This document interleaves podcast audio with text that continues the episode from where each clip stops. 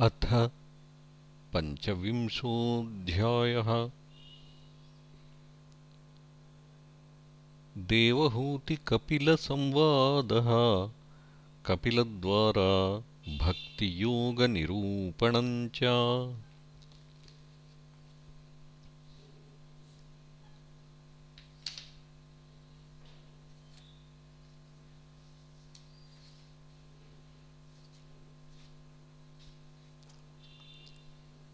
शौनक उवाच। कपिलस्तत्त्वसङ्ख्याता भगवानात्ममायया।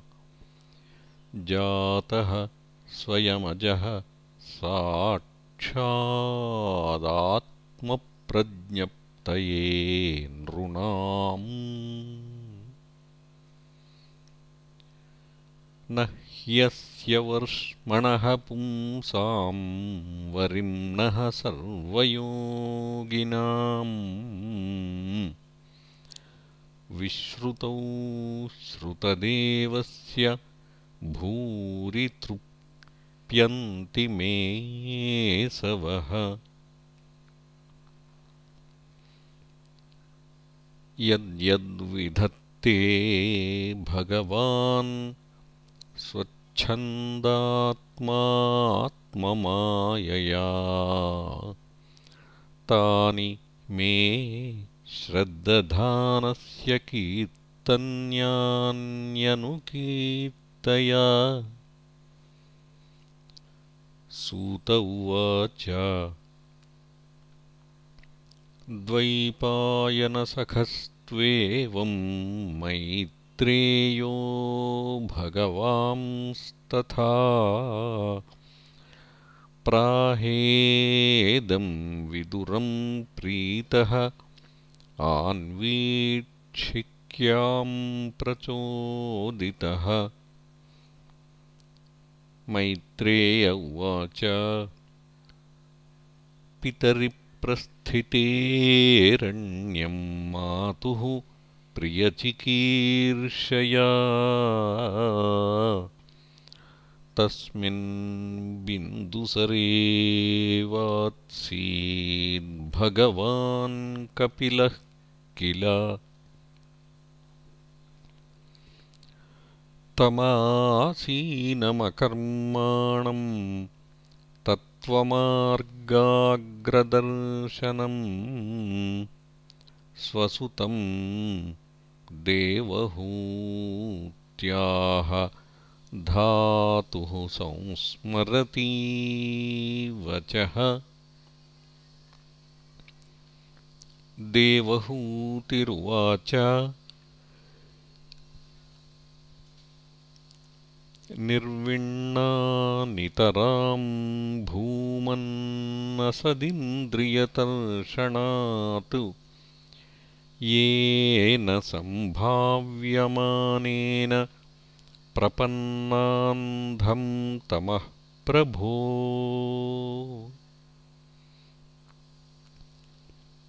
तस्य त्वं तमसोऽन्धस्य दुष्पारस्याद्यपारगम्।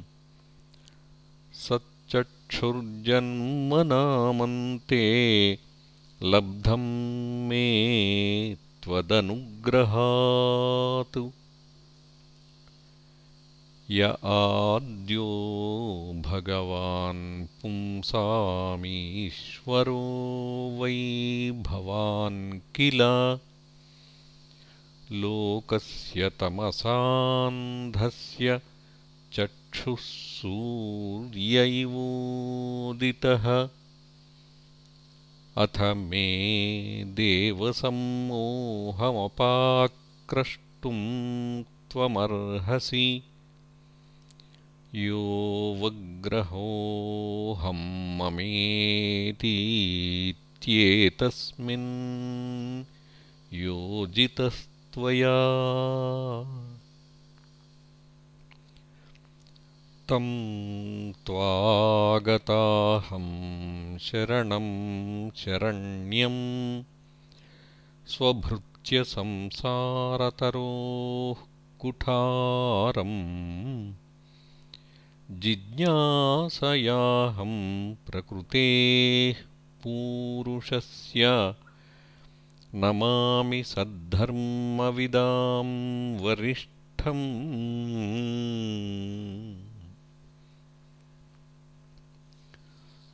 मैत्रेय उवाच।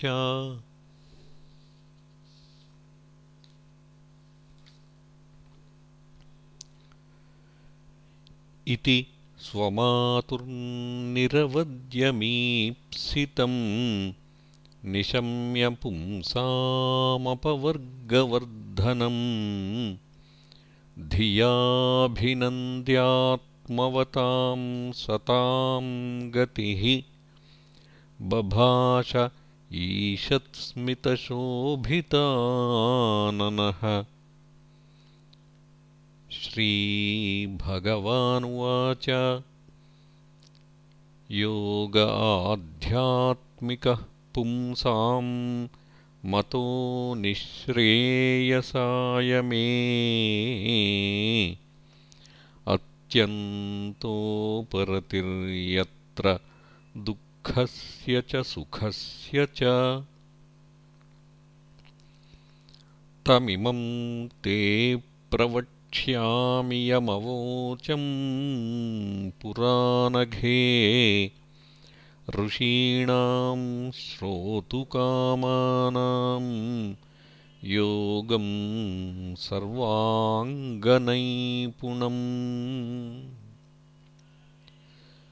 चेतः खल्वस्य बन्धाय मुक्तये चात्मनो मतम् गुणेषु सक्तं बन्धाय रतं वा पुंसि मुक्तये।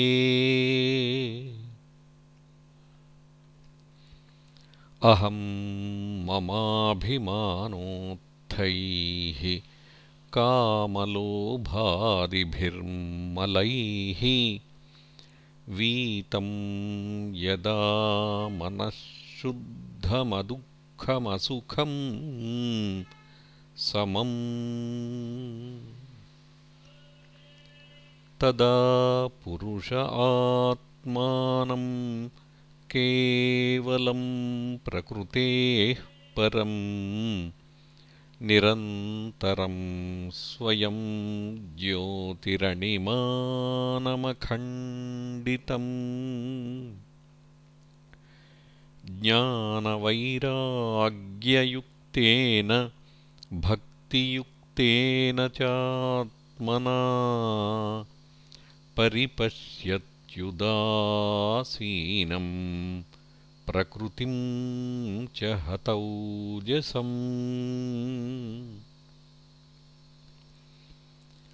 न युज्यमानया भक्त्या भगवत्यखिलात्मनि। सदृशोऽस्ति शिवः पन्थाः योगिनां ब्रह्मसिद्धये प्रसङ्गमजरं पाशमात्मनः कवयो विदुः। स एव साधुषु कृतो मोक्षद्वारमपावृतम्।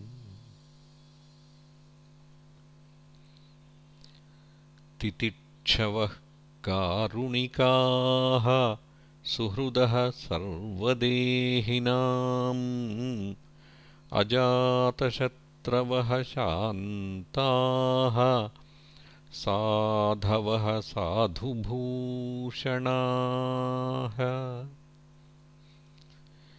मय्यनन्येन भावेन भक्तिं कुर्वन्ति ये दृढाम्। मत्कृते त्यक्तकर्माणस्त्यक्तस्वजनबान्धवाः मदाश्रयाः कथामृष्टाः शृण्वन्ति कथयन्ति च तपन्ति विविधास्तापाः नैतान्मद्गतचेतसः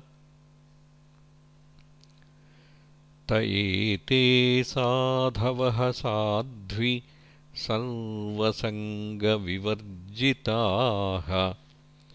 सङ्गस्तेष्वथते प्रार्थ्यः सङ्गदोषहराहिते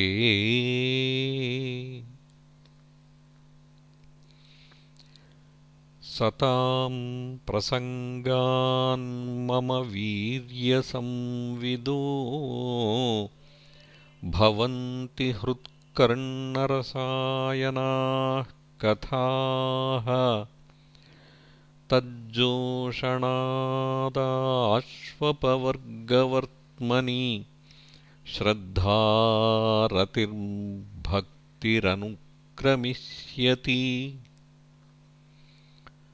भक्त्या पुमान् जातविराग ऐन्द्रियात् दृष्टश्रुतान्मद्रचनानुचिन्तया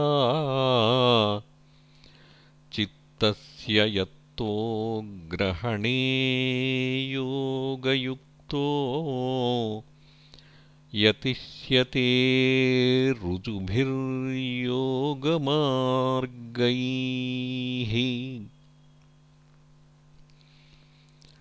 असेवयायं प्रकृतेर्गुणानाम् ज्ञानेन वैराग्यविजृम्भितेन योगेन मय्यर्पितया च भक्त्या मां प्रत्यगात्मानमिहावरुन्धे। देवहूतिरुवाच काचित्त्वय्युचिता भक्तिः कीदृशी मम गोचरा यया पदं ते निर्वाणमञ्जसान्वाश्नवा अहम्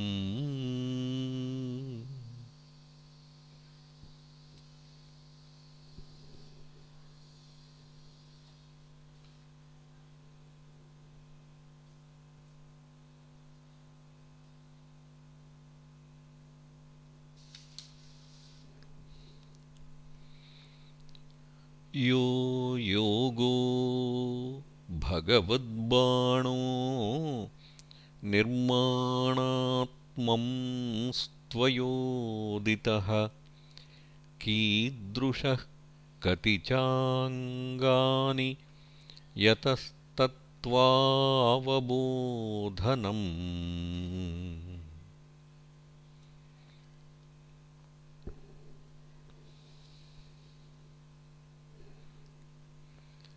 तदेतन्मे विजानीहि। यथाहं मन्दधीर्हरे।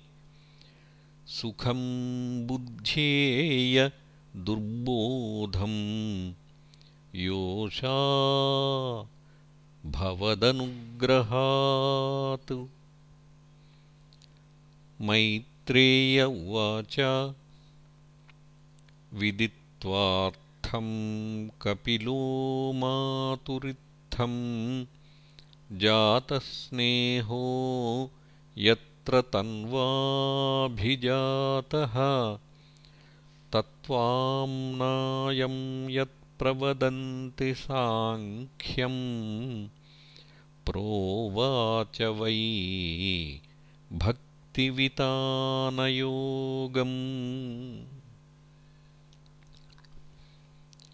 श्रीभगवानुवाच।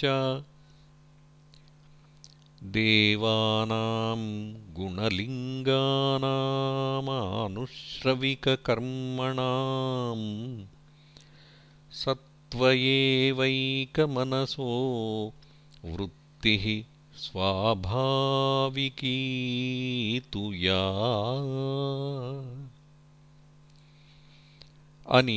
अनिमित्ता भागवती भक्तिः सिद्धेर्गरीयसी।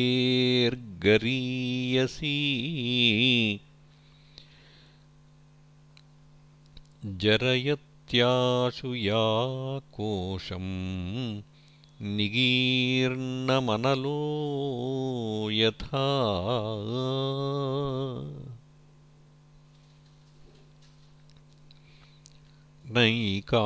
नैकात्मतां मे स्पृहयन्ति केचित्। मत्पादसेवाभिरता मदीहाः। येऽन्योन्यतो भागवताः प्रसज्य सभाजयन्ते मम पौरुषाणि पश्यन्ति ते मे रुचिराण्यम्बसन्तः।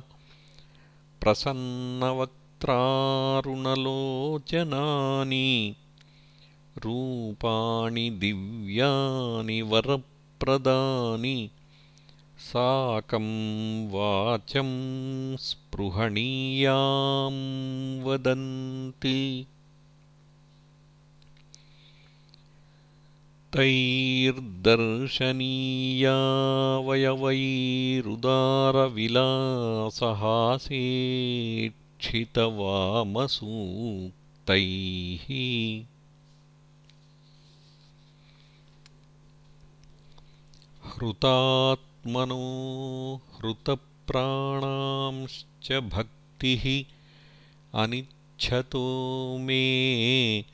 गतिमण्वीं प्रयुङ्क्ते।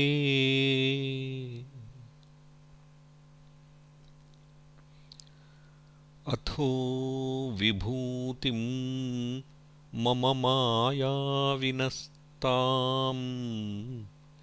ऐश्वर्यमष्टाङ्गमनुप्रवृत्तम् श्रियं भागवतीं वा स्पृहयन्ति भद्राम्। परस्य मे तेष्णुवते तु लोके। न कर्हि चिन्मत्सराः शान्तरूपे।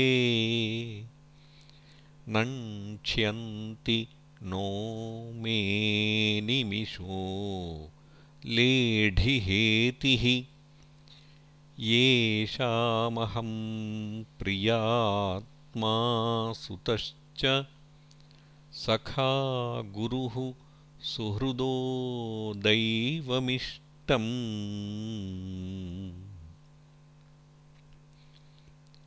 इमं लोकं तथैवामुमात्मानमुभयायिनम्।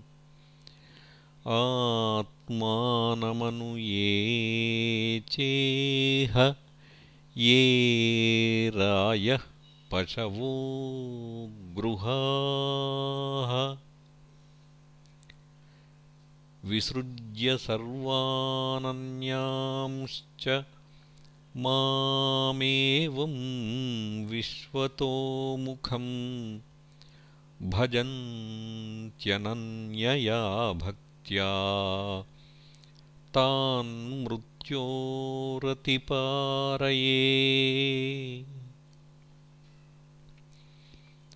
नान्यत्र मद्भगवतः प्रधानपुरुषेश्वरात् आत्मनः सर्वभूतानां भयं तीव्रं निवर्तते।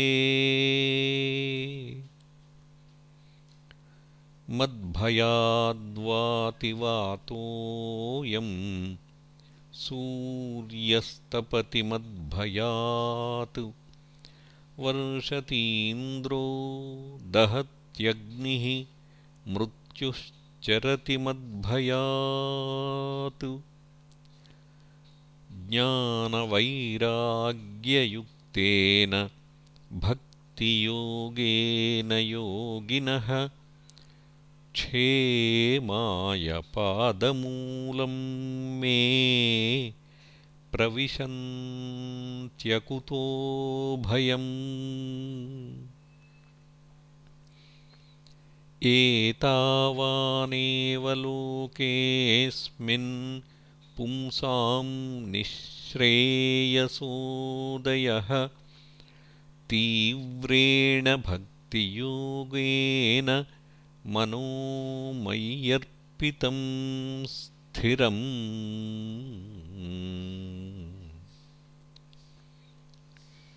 इति श्रीमद्भागवते महापुराणे पारमहंस्यां संहितायां तृतीयस्कन्धे पञ्चविंशोऽध्यायः